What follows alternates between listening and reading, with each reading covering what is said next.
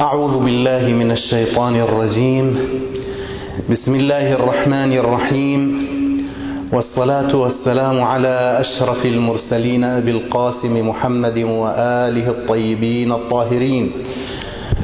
واللعن الدائم على أعدائهم أجمعين من الآن إلى قيام يوم الدين. قال الله العظيم في كتابه الكريم بسم الله الرحمن الرحيم. إنما يريد الله ليذهب عنكم الرجس أهل البيت ويطهركم تطهيرا. آمنا بالله. صدق الله العلي العظيم. حديثنا اليوم حول مصائب الزهراء والهجوم على الدار. سلام الله عليها. وكتاب سليم بن قيس. فقد كثرت هذه الأيام الرسائل والاستفسارات عن كتاب سليم بن قيس. الرجاء من الإخوان الالتفات لأنه نحاول أن نضغط الكلام وأن نركزه لكي يكون واضحا ومفيدا. كثرت هذه الأيام الأسئلة والاستفسارات عن كتاب سليم بن قيس. ثانيا هل أن المصائب التي ذكرت في واقعة الهجوم على الدار من الحرق وكسر الضلع واللطم والإحراق والملاسنة وكشف البيت وما إلى ذلك من الأمور التي تذكر عادة. هل أن مصدرها هو كتاب سليم بن قيس؟ أم لا؟ فقد ذكر البعض أن مصدر هذه الأحداث الوقائع يعني أصل الظلامة الزهراء سلام الله عليها ثابت عند السنة والشيعة. ولكن التفاصيل التفاصيل التي تعرض أو يتعرض لها عادة هي مذكورة في كتاب سليم بن قيس. ثم بعد ذلك ذكروا أن كتاب سليم بن قيس كتاب غير معتبر. وبالتالي فإن كل من يعتمد على هذا الكتاب يعتبر ناشرا لثقافة الكراهية وناشرا لفكرة وعقائد غير صحيحة غير موثقة. أصل الاعتراض في هذا الكلام الذي نذكره على اعتمادا وتعويلا على كلام الشيخ المفيد رضوان الله تعالى عليه في كتاب سليم بن قيس. قال الشيخ المفيد السيد المذكور ذكر هذا النص من الشيخ المفيد ثم بعد ذلك علق تعليقه عليه. الشيخ المفيد لا شك أنه هو من أعلام الإمامية الكبار الأوائل. قال الشيخ المفيد في كتاب تصحيح الاعتقاد وأما ما تعلق به أبو جعفر ركزوا جزاكم الله خيرا جزاكم الله خيرا. وأما ما تعلق به أبو جعفر رحمه الله من حديث سليم الذي رجع فيه إلى الكتاب المضاف إليه برواية أبان بن أبي عياش فالمعنى فيه صحيح غير أن هذا الكتاب غير موثوق به ولا, للمتد ولا يجوز العمل على أكثره وقد حصل فيه تخليط وتدليس. فينبغي للمتدين أن يجتنب العمل بكل ما فيه ولا يعول على جملته والتقليل والتقليد لرواته يفزع إلى العلماء فيما تضمنه من الأحاديث ليوقفوه على الصحيح منها والفاسد والله الموفق للصواب. ظاهر هذا اللفظ أو هذه الألفاظ أن الشيخ المفيد لا يعترف بالكتاب جملة وتفصيلا. وهذا الذي ذكره السيد المذكور وقال إذا إذا سقط هذا الكتاب يسقط كل الكتب التي ترجع إليه. وأيضا تسقط هذه التفاصيل التي تذكر عادة على المنابر من مصائب الزهراء سلام الله عليها في قضية إحراق البيت والهجوم على الدار. نحن نحاول الآن أن ندخل في صلب الموضوع بشكل مركز. أولا كتاب تصحيح الاعتقاد هو تعليق على كتاب الشيخ الصدوق على الله مقامه أيضا في اعتقاد الإمامية. هذا تصحيح اعتقاد الإمامية تعليق على من عالم على عالم آخر. وثانيا في نسبة هذا الكتاب إلى الشيخ الصدوق إلى الشيخ المفيد هناك كلام. يعني أولا خلينا نثبت أنه هذا من ثابت عن الشيخ المفيد ثم بعد ذلك نأتي لنتكلم. ثالثا حتى على القول بأنه ثابت عن الشيخ المفيد. حينما نأتي إلى هذا اللفظ الذي ذكر الشيخ المفيد ماذا يقول؟ يتكلم في قضية واقعة يتكلم عن بعض النسخ التي كانت بحوزته أو اطلع عليها ورأى فيها التخليط والتدليس. وقال أما الذي تعلق به أبو جعفر الصدوق يعني من حديث سليم الذي رجع فيه إلى الكتاب المضاف إليه برواية أبان بن أبي عياش فالمعنى فيه صحيح. وعجيب أن السيد كيف لم يلتفت إلى هذه المسألة. الشيخ المفيد ماذا يقول؟ فإن المعنى فيه صحيح. يعني الموجود في كتاب سليم بن قيس المعنى فيه صحيح لكن الكلام في نسبة هذا على نحو السند على نحو أنه هذه الكلمة قيلت أو لم تقل لكن المعنى بشكل عام بشكل مجمل صحيح. لا نناقش في أن هذه الأمور إذا وقعت في أن هذه الاعتداءات والجرائم قد وقعت على الدار على البيت ولكن الكلام في نسبة هذا الكتاب وفي صحة هذا الكتاب. بصريح العبارة يقول نعم. فإن المعنى فالمعنى فيه صحيح غير أن هذا الكتاب غير موثوق. ولا يجوز العمل على أكثره. أيضا هنا كلام حينما يقول لا يجوز العمل على أكثره. هنا نقطتان سريعتان. النقطة الأولى أنه لم يقل إنه لا يجوز العمل عليه أو فيه وإنما على أكثره. فإذا فيه ما يعمل به وفيه ما لا يعمل. النقطة الثانية أن المسائل التاريخية المسائل التي لا تحتاج أصلا إلى سند وإلا الآن حينما نأتي إلى تسعين أو تسعة وتسعين بالمئة من كتب التاريخ أصلا لا يعتمد فيها السند لا أحد يركز فيها على السند. سواء من التواريخ الإسلامية التي نعتمد عليها أو تواريخ العالم. مؤرخ مثلا مثل هيرودوت الذي يعتمد عليه البشر منهم المسلمون وغير المسلمين؟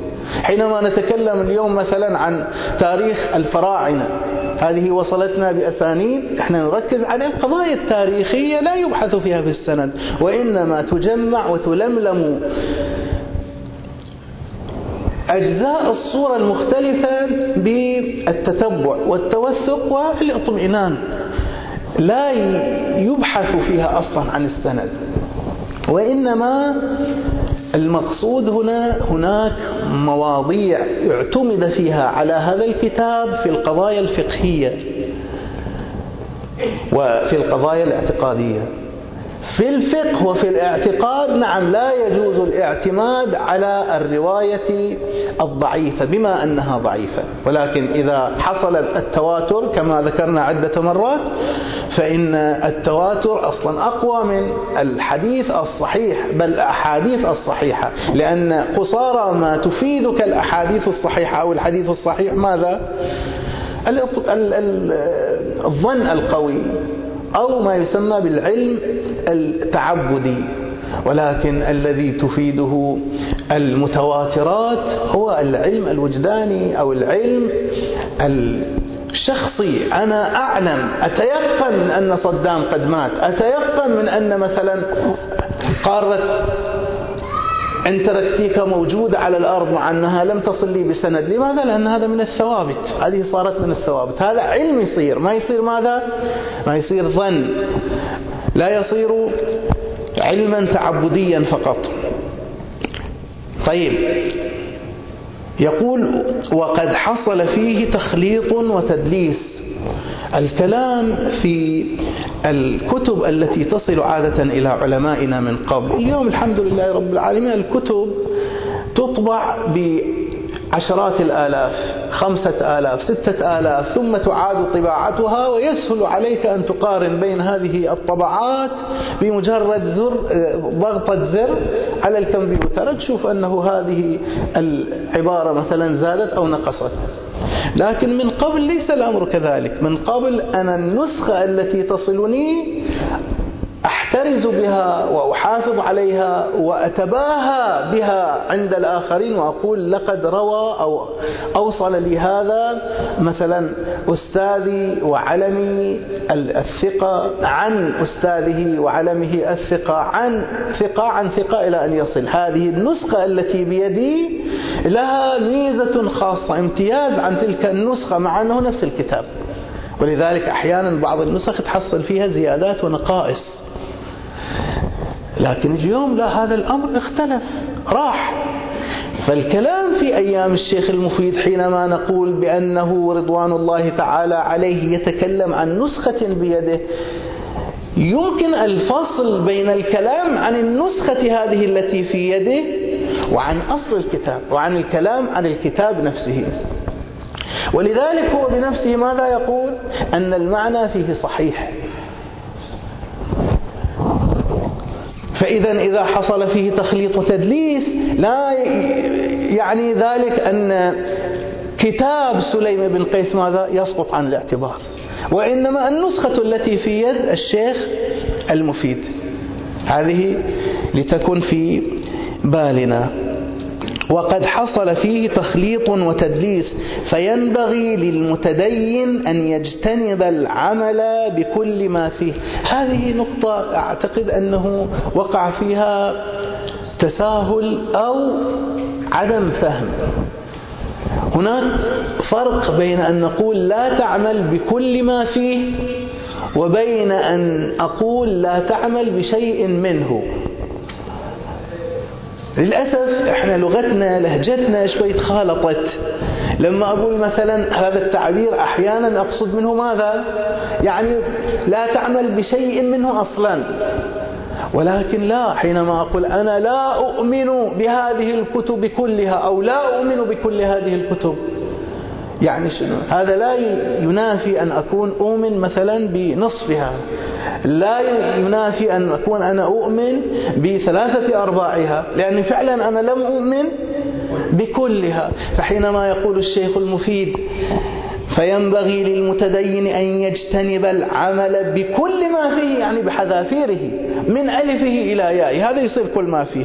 أما إذا واحد عمل به ولكن بقراء ولكن بدلائل وأمارات عنده على صحته. ولم يعمل ببعض الأمور التي فيه التي دل عليها البرهان على بطلانها. حينئذ يكون قد التزم أيضا حتى بكلام الشيخ المفيد رضوان الله تعالى عليه. بينما الذي نشر وأفشي على أن المقصود منه أن يجتنب العمل بكل ما فيه بأي معنى؟ يعني أن لا يعمل بالكتاب شيء من الكتاب أصلا. وهذا ليس صحيحا. هذا ليس مقصود الشيخ المفيد حتما. ولذلك عبر وعطف على ذلك أن يجتنب العمل بكل ما فيه ولا يعول على جملته. جملة الشيء يعني كامل. بشكل كامل هنا لا تعول عليه. والتقليد لرواته. يعني مو تروح تستمع وتتبع اتباع المقلد. وإنما إذا كان عندك دليل وبرهان لا بأس بذلك. أصلا هو قبل هذا ماذا قال؟ قال إن المعنى الموجود فيه المضمون الموجود في هذا الكتاب صحيح. وليفزع يعني هذا المتدين إلى العلماء فيما تضمنه هذا الكتاب من الأحاديث ليوقفوه على الصحيح منها والفاسد. وهذا أيضا برهان آخر على أنه يقول أنها إن هذا الكتاب فيه وفيه. لكن أنت لا تأخذ منه خلي يرشدك إلى ذلك من؟ العالم المتخصص. فإذا الشيخ المفيد أولا حسب كلامنا أولا هل أنه قال هذا الكلام أو لم يقله هذا أول البحث. يعني هناك كلام في نسبة هذا الكتاب إلى الشيخ المفيد. مثل ما الآن أنا أعترض على كتاب سليم بن قيس وأقول إنه ليس صحيحا أو صحيح. هناك كلام في أنه هذه النسخة هي التي كتبها سليم بن قيس أو لا. كذلك أيضا في كتاب الشيخ المفيد تصحيح الاعتقاد. ثانيا سلمنا هذا هو نفسه الذي كتبه الشيخ المفيد ولكن كلامه لا يؤدي إلى هذا الأمر المشاع من أنه يسقط الكتاب جملة وتفصيلا ولا يصحح النقل منه والاقتباس. ثم بعد أن قرأنا كتاب أو عبارة الشيخ المفيد رضوان الله تعالى عليه للأسف الشديد السيد المذكور حفظه الله حينما تعرض إلى هذا الكتاب في البداية قال إن العلماء علماء الإمامية مختلفون في هذا الكتاب معنى أنهم مختلفون يعني ماذا؟ يعني هناك من يصححه هناك من يقول بقبول ما فيه وهناك لا. ثم بعد ذلك قال إنني أكتفي بهذا القول أو هذه الكلمة فقط. الشيخ المفيد قال هذه الكلمة. ثم بعد ذلك انتقل إلى أنه إذا لا يصح لأحد أن يصعد المنبر وينقل ما في هذا الكتاب. وهذا أول الكلام. يعني هناك كثيرين من علمائنا الأجلاء اعتبروا هذا الكتاب. اعتبروا هذا الكتاب. بل جعلوه من الأصول. الأصول الأربعمائة التي عليها مدار اعتماد الطائفة. ثم إن كاتب الكتاب وهو سليم بن قيس هذا لا غبار على وثاقته. نعم ابن الغضائري تكلم فيه لكن ابن الغضائري يعني عندنا في آه، الرجاليين الشيعة هناك بعض الرجاليين الذين لم يبقوا ولم يذروا أحدا إلا واعترضوا عليه. واحد منهم ابن الغضائري حينما يأتي إلى سليم ابن قيس يناقش فيه يجرح فيه. ولكن علماءنا الآخر مثلا الكل متفق على أن توثيق النجاشي مقدم على مثل الغضائري بل مقدم على ابن داود أبي داود ومقدم على العلامة الحلي بل حتى مقدم على الشيخ الطوسي. الشيخ النجاشي رحمة الله عليه حينما يأتي يجعله في أعلى مراتب الوثاقة سليم بن قيس. فإذا صاحب الكتاب ثقة لا ريب في ذلك. والكتاب أيضا يعد لعله أول الكتب الإسلامية التي دونت في التاريخ الإسلامي.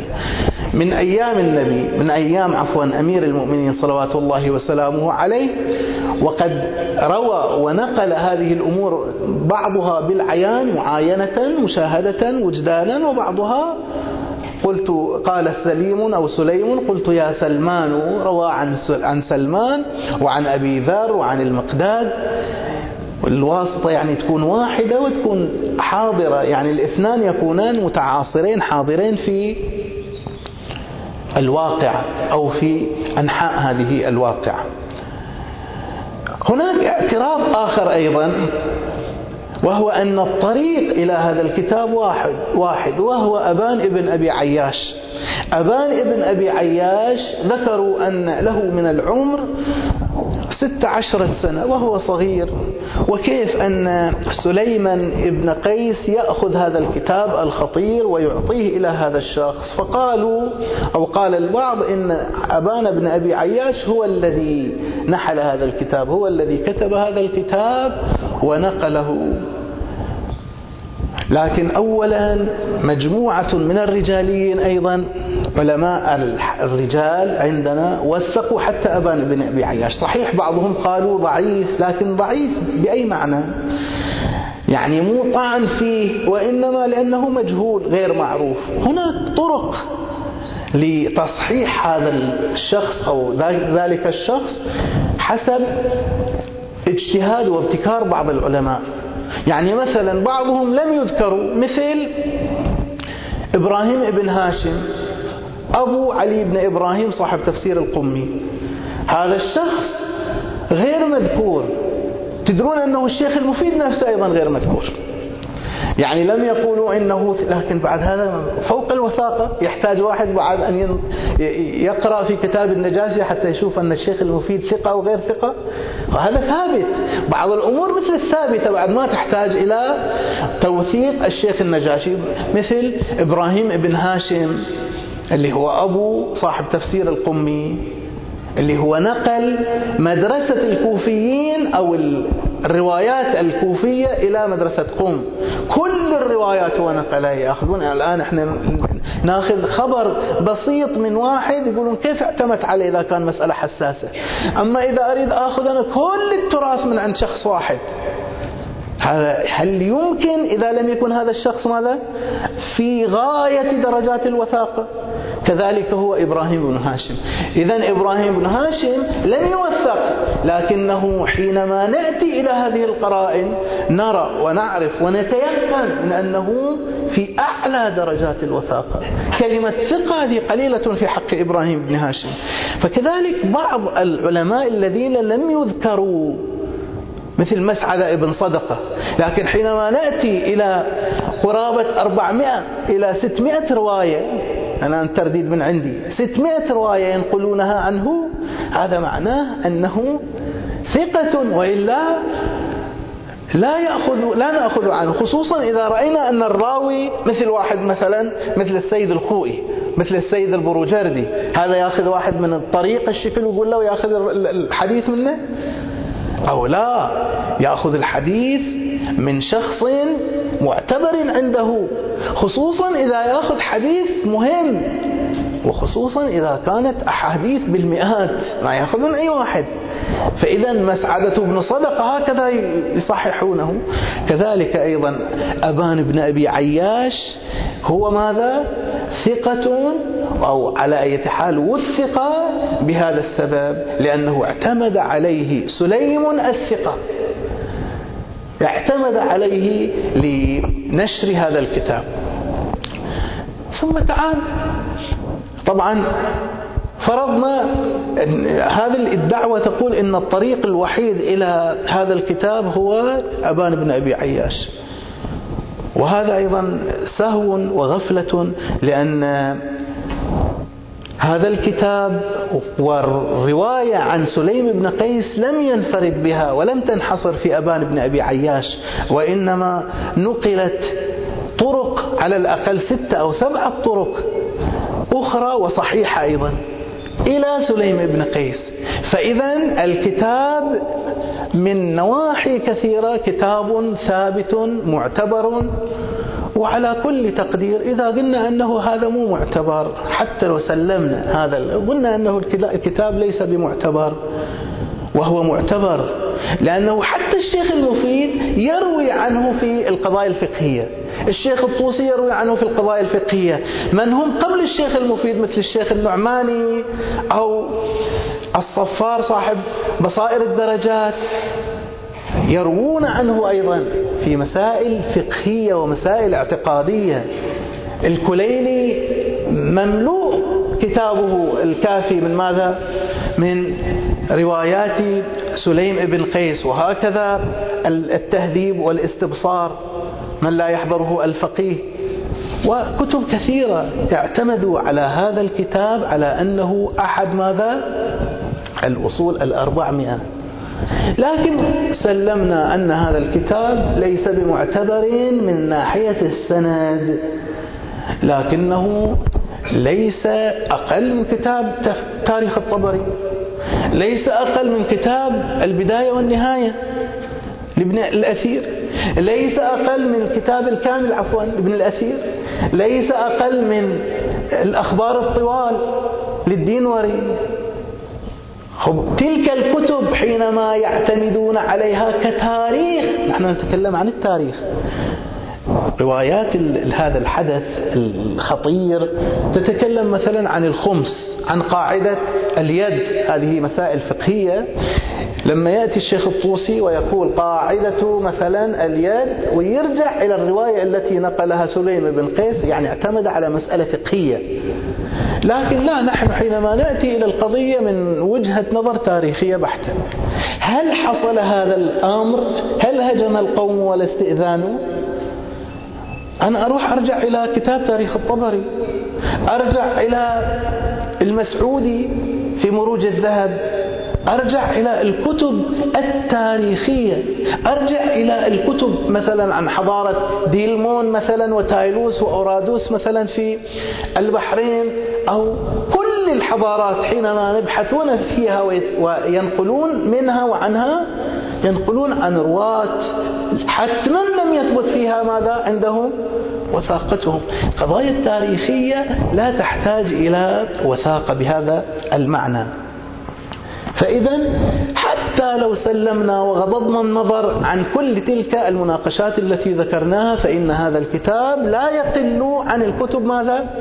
التاريخية. هذه النقطة انتهت أكثر من هذا. العجيب أنه حولت القضية وكأن السند الواحد أو الوحيد في هذه الجريمة النكراء هي كتاب سليم بن قيس وليس الأمر كذلك. حينما نأتي إلى الكتب والمصادر التي تعرضت إلى قضية الهجوم على الدار هذه تقريبا من المتواترات مع وجود هذا التغليب والحصار المشدد عليها. ومع ذلك ظهر ما بين ذيل ما ملأ الخافقين. كتب مثل شرح النهج لابن أبي الحديد المعتزلي هذا هو مو كتاب سليم بن قيس. كتاب مثل ميزان الاعتدال إلى ابن حجر العسقلاني هذا مو سليم بن قيس. الذهبي الناصبي المعروف بنصبه في سير أعلام النبلاء وفي غيره من كتبه حينما يتعرض إلى هذه القضية يذكر الشهر الثاني في الملل والنحل. هذا ليس سليم بن قيس. وخصوصا إذا عرفنا أن هؤلاء من المخالفين بل إنهم من أشد المخالفين. واحد قد اللي يقدر يحاول شيء يسوي أقل شيء أقل شيء أقل شيء ما يذكر. مع ذلك هؤلاء ذكروا ذكروا التفاصيل. بل بعضهم يتباهى وقولة لعلي قالها عمر أكرم بقائلها أو أعظم أكرم بقائلها أعظم بملقيها. يعني هذا يعتبرها مفخرة أن عمر تعرض لبيت أمير المؤمنين وأيضا إلى الزهراء سلام الله عليها حينما يقول أحرقت دارك لا أبقي عليك بها إن لم تبايع وبنت المصطفى فيها. هذا ليس سليم بن قيس. عجيب يعني كيف؟ المشكلة أن كثيرين يقول تعالوا شلون؟ يعني صدق إحنا الكتاب مالنا صار هو كتاب بس سليم بن قيس وهذا الكتاب ضعيف ولا يعول عليه. عشرات المصادر عشرات المصادر تذكر كل واحد بالتفاصيل. كيف اعتدي عليها بكسر الباب؟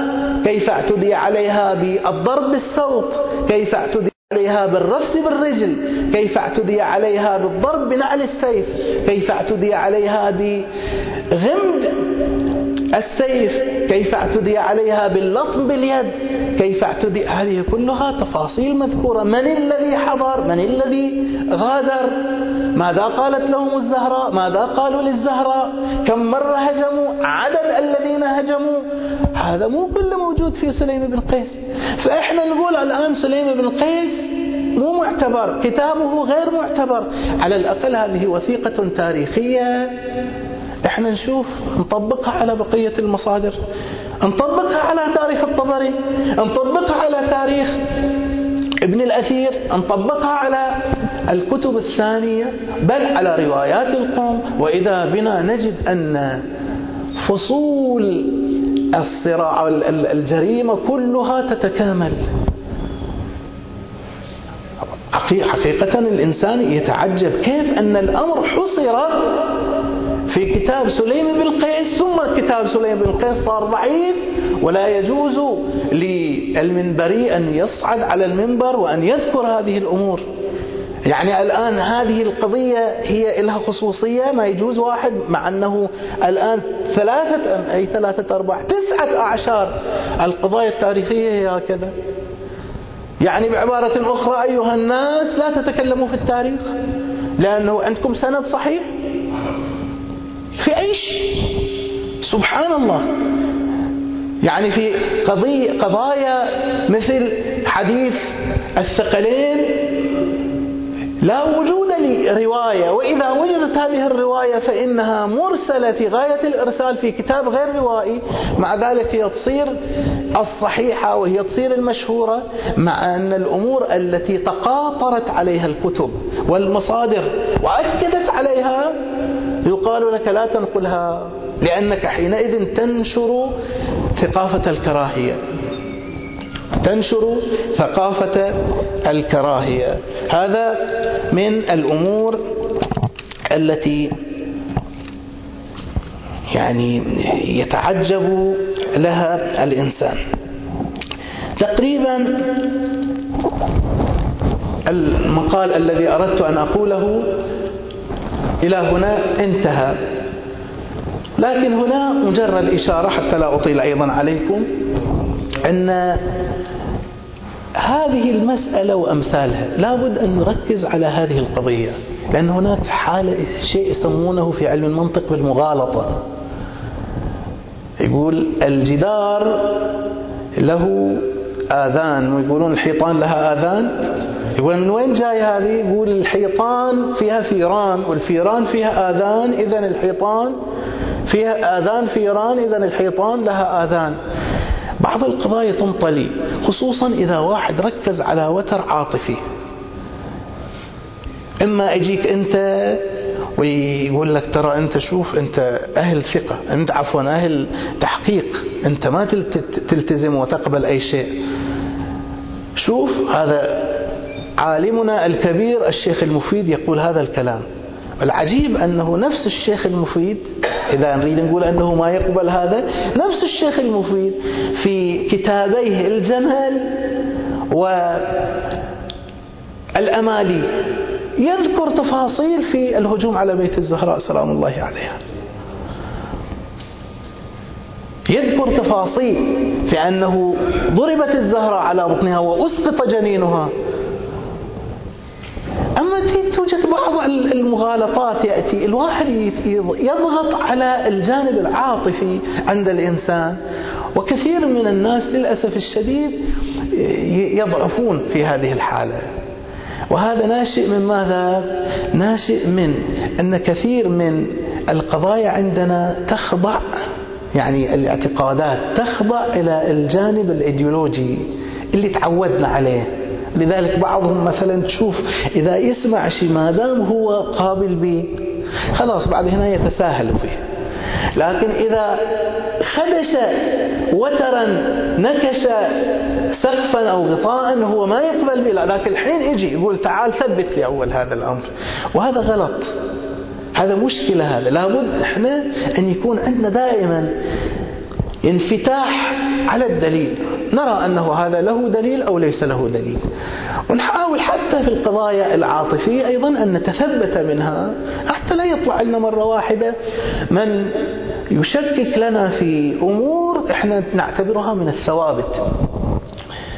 والمسألة الثانية في هذه المغالطات يعني التي ينبغي أن يلتفت إليها هو أنه دائما هناك قاعدة أيضا عقلية هي. يقول أنت دائما انظر إلى النتائج ودع عنك المبادئ. وأحيانا واحد يدخلك في تفاصيل ويخليك تصدق لكن بعدين لما تقعد ويا نفسك تقول تعال شلون يصير؟ لأنه هذا الأمر موجود. ما أدري في علم الرياضيات أنا أتذكر هذه المسألة. يخليك تدخل في اللوغاريتمات وفي الجذور ومسألة وأنت تعرف شلون تحل القضية هذه من ناحية رياضية. مثلا معادلة ذات مجهولين فتدخلها في جذور ولوغاريتمات وكل حين تدخل من معادلة إلى معادلة وإذا آخر شيء يطلع تسعة يساوي اثنين. يقول الطريقة مالتي كانت صح. أنت مالك شغل الطريقة مالك؟ ما دام تعرف أنه تسعة ما تساوي اثنين اذا تقول الطريقة مالتي غلط.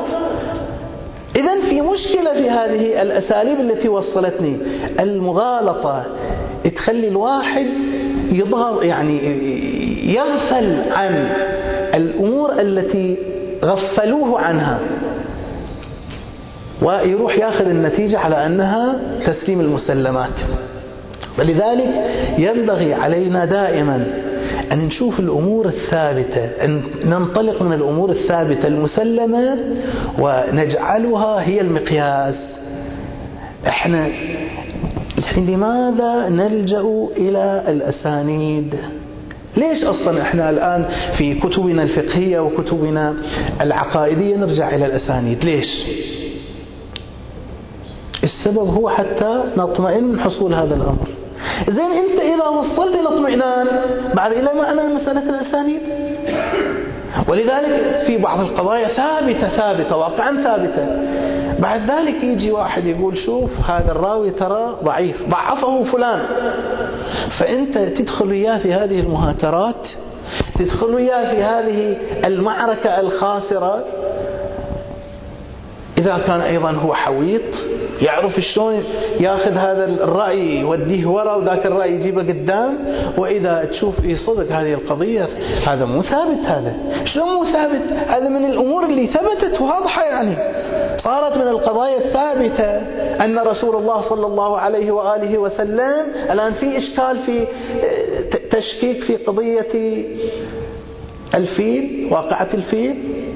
لكن بعضهم أنا شفته مشكك في هذه القضية من الإسلاميين بحساب من المعممين. يقول شلون يصير؟ لأنه التاريخ ما ثبت هذه. ما قال أنه طير أبابيل تأتي وتضربهم بحجارة من سجيل تدخل في رأسه وتطلع من دبره وكلهم قتلهم. ما بقى ولا واحد. هذه خرافة أسطورة. القرآن يقول القرآن بعد بعد القرآن يقول أثرا بعد عين بعد واحد لما يقول للقرآن شيء ألم ترى كيف فعل ربك بأصحاب الفيل؟ بعدين أجي أقول أنه هذا لا. بعض التواريخ تذكر أنهم أصيبوا بالجدري ويمشي على هذا المسألة. أنا أشوف إذا كان عندي أشياء ثابتة آخذ هذه الثوابت ذاك الحين أنا إذا حصلت سند ثابت فبها ونعمت. شفت السند مو صحيح؟ أنا مالي شغل بالسند. السند ما هو إلا حتى يوصلني إلى الحقيقة. مثل ما ذكرنا ذاك اليوم هذا مثل ذاك اللي قال أنه أنا استخبرت عنك أنه أنت ميت. قال لكن أنا أنا حي أرزق أمامك. قال لكن أنا وصلني هذا عن طريق ثقة.